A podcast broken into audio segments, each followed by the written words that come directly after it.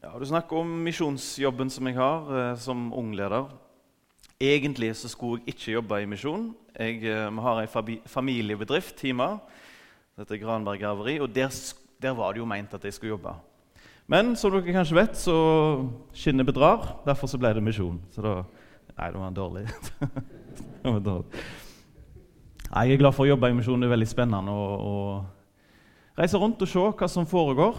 Ehm, og jeg syns jo på en måte at dette med Jeg sier det ikke bare for at jeg er medlem her, men jeg sier det litt rundt omkring at brannstasjonen og det som foregår her nå, framover er noe av det mest spennende i denne regionen her nå for tida. Så det er ikke bare sånn smisk og greier, men det er faktisk noe veldig, veldig spennende. Eh, og jeg, jeg, satt og, jeg fikk ei fin liste med, med temaer. Og jeg så at det temaet er bra, og det temaet er bra, og det temaet er bra. Men når jeg hadde denne prosessen som misjonssalen er oppi nå, i bakhodet, så tenkte jeg det er jo faktisk ingenting som er viktigere enn bønn framover. Vi går i en jungel som ikke aner hva vi har helt i vente. Derfor er det kjempeviktig å være avhengig av Jesus i bønn. Han må gå og lede steg for steg. Jeg vil bare fortsette, oi, jeg vil bare fortsette å be litt før jeg går videre. Herre, jeg ber om at du må åpenbare mer av deg sjøl i dag, Jesus.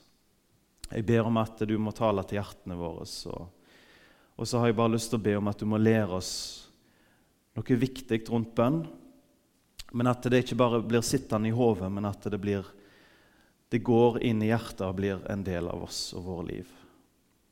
Og det er det bare du som kan gjøre, Jesus, ved Den hellige ånd. Amen. Ja, nå ser dere temaet. Det var det voldsomt, kan noen tenke. Men bønn er Jeg kan ikke si at bønn er mindre enn voldsomt. Bønn er sterke saker, og bønn er til sjuende og sist Når vi tenker offensiv bønn for å vinne flere, så er det krig imot Satans makt. Det er, kan ikke bli sagt på noen annen måte, tenker jeg.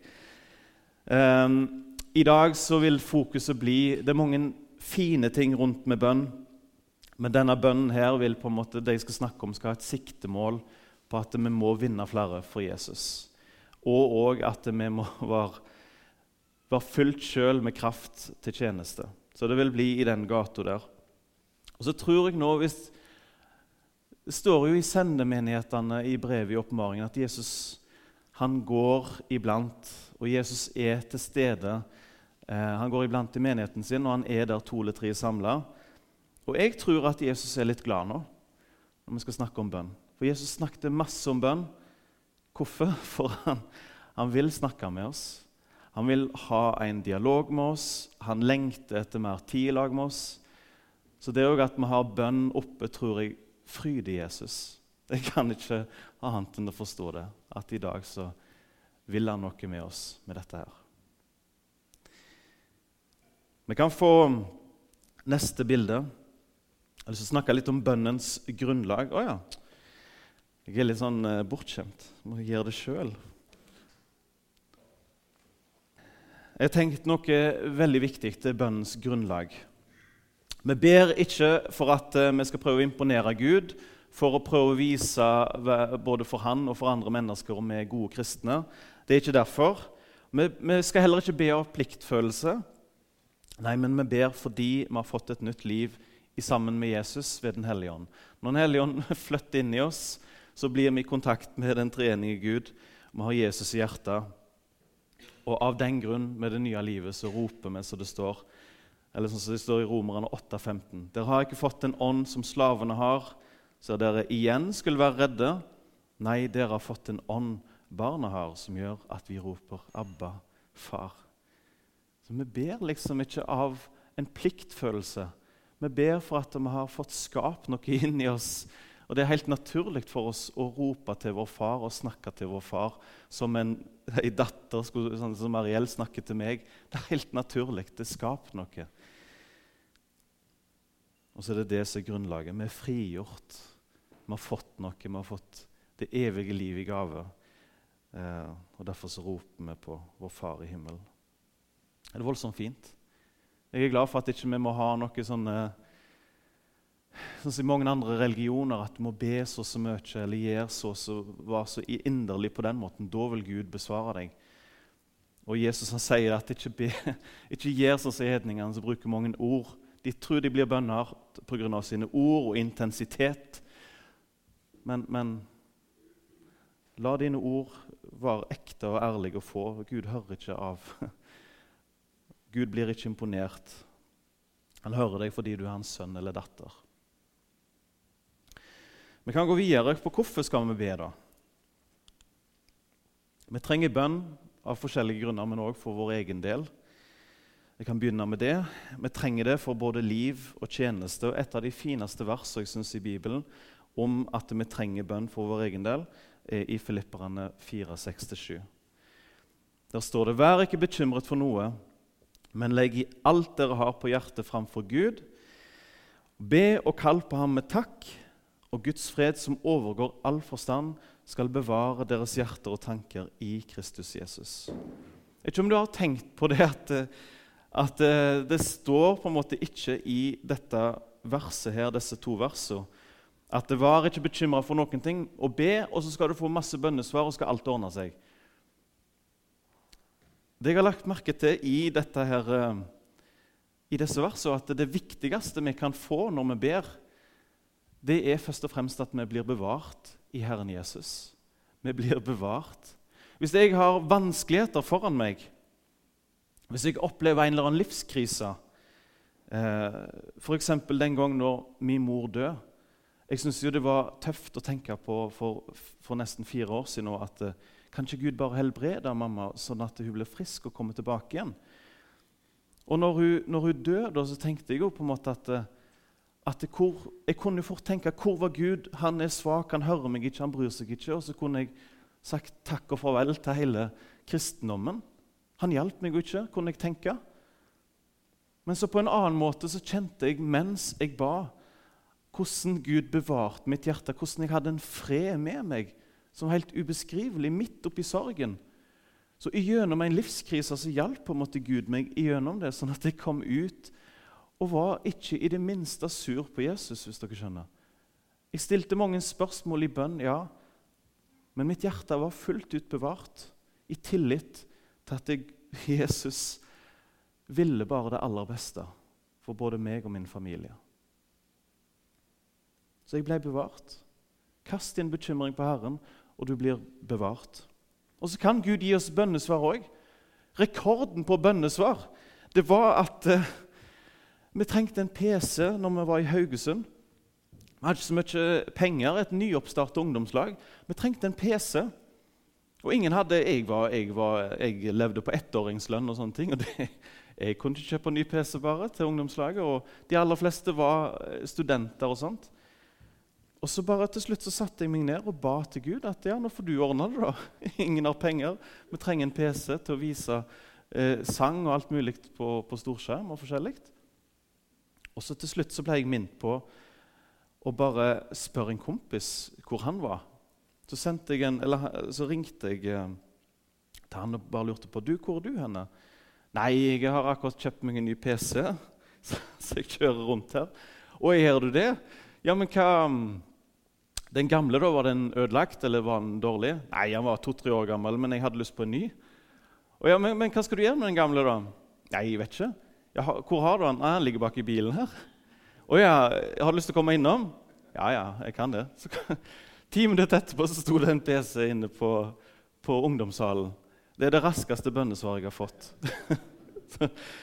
Eh, men av og til så tror jeg vi skal være så konkrete. Gud, vi trenger dette her, og legge det framfor han. Det er hans ansvar hvordan han vil svare, men vi skal iallfall legge fram alle ting. Men jeg vil bare få fram på en måte en del av bønnens natur i å bevare oss. Det er det Gud har lovt å bevare oss. Skjønner dere? Det er viktig. Så må vi få med dette at Gud kan, Gud kan gi oss hjelp til timelige ting på underfullt vis. Og så nummer to her med Hvorfor be? Eh, de ikke-kristne trenger vår forbønn. De ikke-kristne trenger det for å bli frelst. Og da er det sånn at eh, det er veldig sjeldent at et menneske bare, at de kan putte et ikke-kristent menneske inn på et isolat uten noen som helst ting. Og så bare putter jeg inni der, og så stiller vi oss 1000 mann eh, rundt det isolatet og bare ber for han. Og så går det ti minutter, så kommer han ut. Ja, nå er jeg blitt frelst. Eh, det som har skjedd nå, er at jeg skjønner, jeg har forstått dette med at Gud skapte himmel og jord. altså det, det, er ikke sånn det pleier å skje. skjønner dere? Det var et teit bilde, men jeg bruker det for å forklare at bønn er en døråpner for evangeliet. Bønn fungerer som en døråpner for evangeliet. Og, det, og beviset på en måte i hermetegn for det er Kolosserne 4.3. Der sier Paulus.: Be også for oss at Gud må åpne en dør for ordet, så vi kan forkynne Kristi hemmelighet, det som jeg nå er i fengsel for. Så Ser du hvordan bønn ble brukt? Og gir på en måte et menneske lydhør eller tørst eller våken og lyst til å høre det som står i denne boka. her. For det er kun evangeliet som kan frelse et menneske. Og så vet vi at I enkelte lukka land så kan det være at eh, andre får møte Jesus i drømmer og forskjellige ting. Men til sjuende og sist så blir de alltid leda til kristne, til Guds ord. Og det er det som er på en måte Guds vei for oss til sjuende og sist. At vi skal ta del i Guds ord, bli leda og bli frelst gjennom evangeliet. Um, Filippi er et kjempegodt eksempel på når, når Paulus og teamet kom der. De gikk rundt omkring i byen, står det, og leita og kikka når de kom til Filippi. Når evangeliet og når, når, når Paulus kom til Europa, i Makedonia, så kom han til byen Filippi og gikk litt der. Så traff han ei gruppe damer som var med, med ei elv og ba. De var jødiske, og de søkte på en måte, de hadde ingen synagoge, sannsynligvis, så de gikk til ei elv og ba. Og så Der kom Paulus ned. Så begynte han å forkynne evangeliet for disse kvinnene. og jeg har bilder av det her. Og Det står at eh, Herren åpna Det står så fint at eh, Herren åpna ei damas hjerte som heter Lydia. Herren åpna hennes hjerte, så hun hørte nøye på det som ble talt med Paulus. Det står ikke direkte i denne teksten her i Filippi at Paulus ba så så mye, og så skjedde dette under her. Men når du leser i hvordan Paulus lærer om bønn, så sier han jo at vi skal be, og så vil det åpne seg ei dør. Vi skal be vedvarende, og vi skal be utholdende. Jeg er sikker på at Paulus ba mye, så fikk han den ferdelagte gjerningen og fikk forkynne Guds ord. Så de, de ikke-kristne trenger vår bønn. Det er helt sikkert. Og Så lurer jeg på hva må til for å bli en god forbeder. da? Det er et kjempestort spørsmål. Viktig spørsmål. Det er det neste. Hva må til hvis bønn er så viktig, da? Hva må til? Og dette her det fikk jeg i dag tidlig. Jeg, jeg, jeg, trodde talen min var ferdig i går. Og Så våkna jeg opp i dag tidlig og så kjente jeg et sukk inni meg og bare Nei, talen min er feil. Det jeg hadde tenkt å si til dere i forhold til i går, det, tok, det tror jeg Jesus tok vekk. For fokuset mitt i går, hvis jeg skulle stått her uendra i forhold til i går, så var det at eh, viktig å ta til seg eh, mye av Guds ord, viktig å ta til seg sånn og sånn. Og nesten lagd ei lita sånn liste på to-tre ting som er viktig å huske på for å bli en god forbeder. Og så var det akkurat som på en måte Jesus bare stoppet meg i dag tidlig. Ikke legg det fram på den måten. Og så måtte jeg tenke og be, og jeg lå lenge i, i senga. Jeg sa til, til kona nå må du bare ta ungene, jeg skal forberede tale. Så lå jeg i senga. Hva er det du vil, Gud? Um, og det som jeg kom fram til litt mer Det er veldig vanskelig å sette fingeren på akkurat dette her. Men jeg tror ikke at det å lese mange bøker om bønn gjør deg naturlig til en mye bedre forbeder. Jeg tror ikke det å gå på mange seminar om bønn heller gir en automatisk at du blir en bedre forbeder. Det var en god lærer eller en leder eller bibellærer gjør deg automatisk ikke til en god forbeder heller. En effektiv og vedvarende forbeder. Jeg har møtt mange ledere og bibellærere som jeg ikke på en måte senser så veldig sterkt bønneliv ifra. De er utrusta på mange andre måter, men, men jeg aner at de, bønn er ikke helt på topp for dem. Men hva er det, da? Jeg tror at denne talen her nå kan hjelpe mange i forhold til bønn. Jeg tror det. Men det er ikke det som er avgjørende, den kunnskapen du får. Det som jeg tror er avgjørende, er om denne talen her skaper en fornya tillit til Jesus. En fornya tillit til Jesus. Da tror jeg det er håp i å endre holdninger i forhold til vårt bønneliv. En enkel tillit til Jesus. Min mor var en fantastisk forbeder. Hvis en person hjemme hadde fått blodkreft, så tok hun bare med seg salveolje og bare gikk opp. Hun gikk opp og ba. Og Hun hadde ikke lest mange bøker om at det er bra å gjøre sånn og sånn. Hun hadde bare en tillit til Jesus. at uh, Hvis noen er syke, så skal jeg gå og hjelpe dem. Jeg skal prøve å gjøre det jeg kan.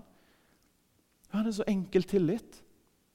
Og Det er det, det, er det jeg mener når jeg ser store personligheter i Kristen-Norge. Det er ikke alltid de som imponerte meg mest med bønn. Det er av og til det helt enkle personer som har en tillit til, til, til Jesus. Så jeg bare merker wow, her er det noe dypt og sterkt. Så ingen bok har lært dem. Men Jesus sjøl har åpenbart seg for dem og gjort noe i deres liv, i deres hjerte.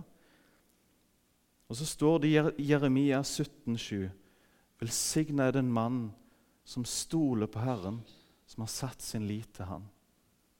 Der tror jeg nøkkelen til et rikere bønneliv er å bare be til Jesus og si at Skap en fornya tillit til deg, Herre. At jeg i alle ting blir avhengig av deg. Jeg har ennå ikke blitt totalt fornya når det gjelder bønn med å lese mange bøker. Men det som har forandra meg, er når jeg kommer nærmere Jesus. Jeg husker den første tida mi som kristen, når Jesus åpenbarte seg mer og mer for meg hvem han var.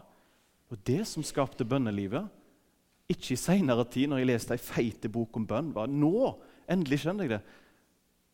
At Jesus ble stor for meg. Det gjorde noe. Så trenger vi av og til undervisning som det her, for å børste støv av noe som har ligget der lenge. Men vi har glemt bønnens makt. Og så kan Jesus bruke dette. Er dere med? Dette er såpass viktig. Jeg måtte bruke tid på det. Det fins ingen quick fix til å bli en god forbeder. Det fins ingen 'les denne boka, så er du en god forbeder'. Det er tilliten du har til Jesus. Det er det han får vise deg, som kan gjøre noe med ditt bønneliv. Det er jeg helt overbevist om. Og det er det jeg fikk i dag tidlig i senga. Skal vi ta forbilde bare på en forbeder for å se om jeg kan få litt sånn bibelsk material på det jeg sier nå. Epafras, en kanskje litt bortgjemt person i Bibelen. Jeg hører ikke så mye om han, men han får en enorm attest på dette med bønn. Eh, Paulus skriver om han til kolosserne. Epafras, som er en av deres egne, hilser også. Han er en Kristi Jesu tjener og kjemper alltid for dere i bønn. Han ber om at dere må bli stående og fullt overbevist om hele Guds vilje. Tenk å ha en epafras og to i menigheten som har det som sin hovedtjeneste. Å be om at de andre skal bli hva det står for noe? Be om at de andre skal bli stående fullkomne og helt overbevist om hele Guds vilje. Jeg er spent på hvem som har fått et litt spesielt kall til å være en sånn forbeder her i misjonssalen. Det er veldig sjeldent at det kommer fram sånn offentlig at det er der og der og der. For dette her er ofte noe som noen gjør i det skjulte. Mange forbedere får ingen lønn for sitt strev, men heldigvis det står at det er Faderen som ser det skjulte, han skal lønne deg. Han ser ditt bønneliv og den tida du bruker. Men hva var det med Epafras, da? Hva som gjorde at han var en spesiell forbeder? Jeg finner ingen annen ting hvis jeg skal grave litt på en måte i Bibelen og i disse versene, enn at det står at han var en Kristi Jesu tjener. Og det kan du ikke være uten at du lever nær Herren og følger i hans fotspor. Og Her står det jo 'tjener'. Det er sikkert for at vi ikke skal ramle bakover stolen, men egentlig så står det på grunnspråket som sier en, en, slave. Jeg er en, en Kristi Jesus slave. Og Det gjør det enda sterkere hva forhold vi har. Han er vår Herre, og vi er hans barn. Vi er hans etterfølgere. Men det er han som bestemmer. Det er han som er vår Herre. Jeg syns det var fint å få fram en forbeder som det der. Et forbilde på en forbeder. Og Min egen erfaring også er at er du nær Herren i en enkel tillit, så vil Han gi av sin kjærlighet. Han vil gi av sitt sinnelag, og han vil gi deg en kraft sånn at det gjør at du, du ønsker å tjene Han i bønn òg. Det er en ting til som jeg syns er viktig og bra for bønnelivet. Det er om vi står i sammen. Det er kraft i å be i lag med noen. Jeg eh, var med når jeg gikk i Salem. Så hadde vi ei bønnegruppe. Eh, og Der kom det et par forbedrere. Eldre folk i forsamlingen. Og det å sitte og høre på når de ba, det var så fint. Det var så styrkende å sitte og høre på Jeg, jeg kan nevne han. Jeg, jeg satt, og, satt ved siden av Kåre Eidsvåg, hvis dere kjente han, når han satt og ba. Det var så trosstyrkende, på en måte. Eh, han hadde et, et, godt bønneliv, var mitt inntrykk. Eh, men det å være i lag Og så står det jo dette løftet, Matteus 18, 19-20. Dersom to av dere på jorden blir enige om å be om noe, hva den er, skal de få i mitt navn, av min Far i himmelen. For hvor to eller tre er samlet i mitt navn, der er jeg midt iblant dem. Her, kommer, her ser dere én soldat, og så ser dere en haug med andre. Og så er det sånn at eh, Den ene soldaten han er jo ikke akkurat ei pyse. Det er ikke sånn at én soldat utgjør ingen trussel i, i for å si det sånn, åndelig ført, overført i Satans rike. Men se for deg den, de, den gjengen ved sida av. Jeg ville i alle fall ikke yppe med den gjengen som kom i en stor gruppe informasjon. Nesten umulig å, å, å gjøre noe med dem. Iallfall på den tid. Så jeg prøvd meg på noen sitater nå. Én forbeder er sterk. To forbedrere er sterkere, men ti er jo storslagent. Det er sånn jeg prøver å tenke om hvorfor det er viktig med bønnegrupper. Hvorfor det er viktig at vi skal stå i sammen. For det er knytta noen løfter til det å komme i lag og si nå er vi enige om å be om dette her, og stå i sammen. Og så ser vi òg at én er sterk, ja, men er vi flere som står i lag? Da er det enormt hva, hva kraft vi får lov å forvalte. Er dere med på dette her? Dette er viktig. Jeg skal gi dere et, et konkret eksempel. Før jeg sier det, så skal jeg bare si jeg, jeg har sjøl kommet til ei bønnegruppe. Der ble min redning når jeg gikk på Lundaneset. Jeg satte meg ned som 17-åring og en gjeng 15 gutter som ba. De var bare 16-17-18-åringer. Når jeg ser tilbake på det, så var det helt sprøtt at det, det satt liksom 17-åringer tok ansvar for bønn. og tok, tok, sitt ansvar som kristne på at her på denne skolen så vil vi ikke at de ikke-kristne skal gå liksom, De skal vi nå. Og så ba de i grupper, og så fikk jeg komme til den bønnegruppa når jeg var fortvilt og merka at jeg trengte hjelp. Sette meg ned der og bare si stotra fram ei bønn. Gud, knus Satans lenker. Og så var det 15 stykker som ba for meg i en time og hjalp meg. Og jeg har vist et bilde av en mur som ramla, og lyset kom. Sånn var det for meg. Jeg var innelåst, jeg var i fengsel. Og Så kom forbedrerne og ba for meg, og muren ramla. Min Berlinmur for. Og så er det sånn. Hva skjer når du ber det er ikke mindre enn at du går til åndelig angrep på djevelen som holder noen personer i fangenskap som han ikke har rett på. Det er ikke han som har skapt menneskene.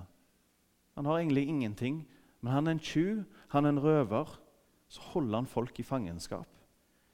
Og Hva skjer når du ber? Jo, det står at vi inntrer i en kamp. Vår kamp er ikke mot kjøtt og blod, men mot makter og åndskrefter, mot verdens herskere i dette mørket mot ondskapens ånde her i himmelrommet. Det er det som vi holder på med når vi ber. Vi går til krig.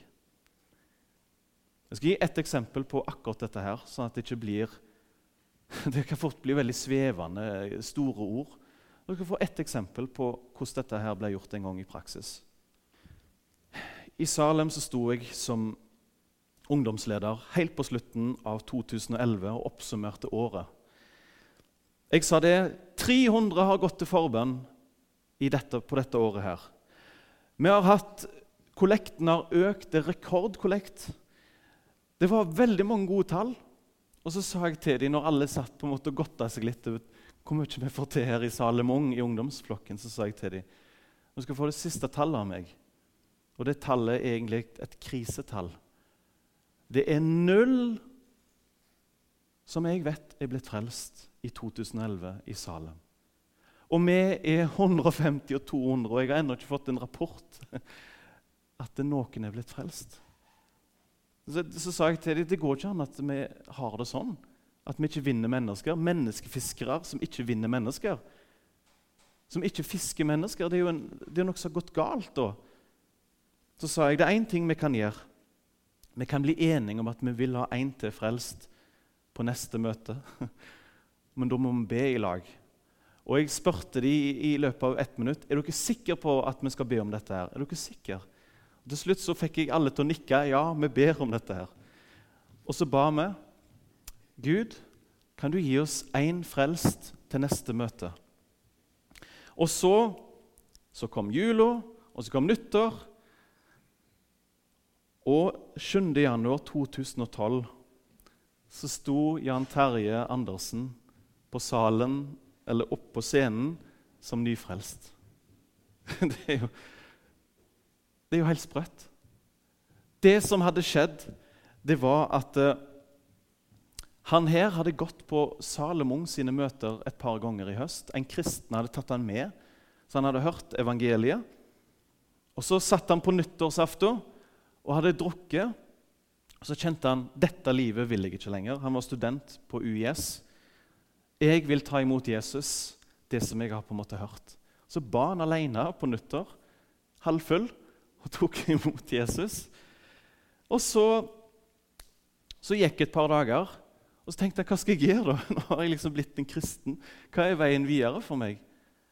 Og så ble han minnet om når han satt på en buss, så ble han minnet om at han skulle gå inn på Salem sine nettsider. Så gikk han inn, så så han at det skulle være bønnemøte i kveld. Og Så gikk han på det bønnemøtet, så traff han på meg og Randa og et par andre som var i den bønnegruppa.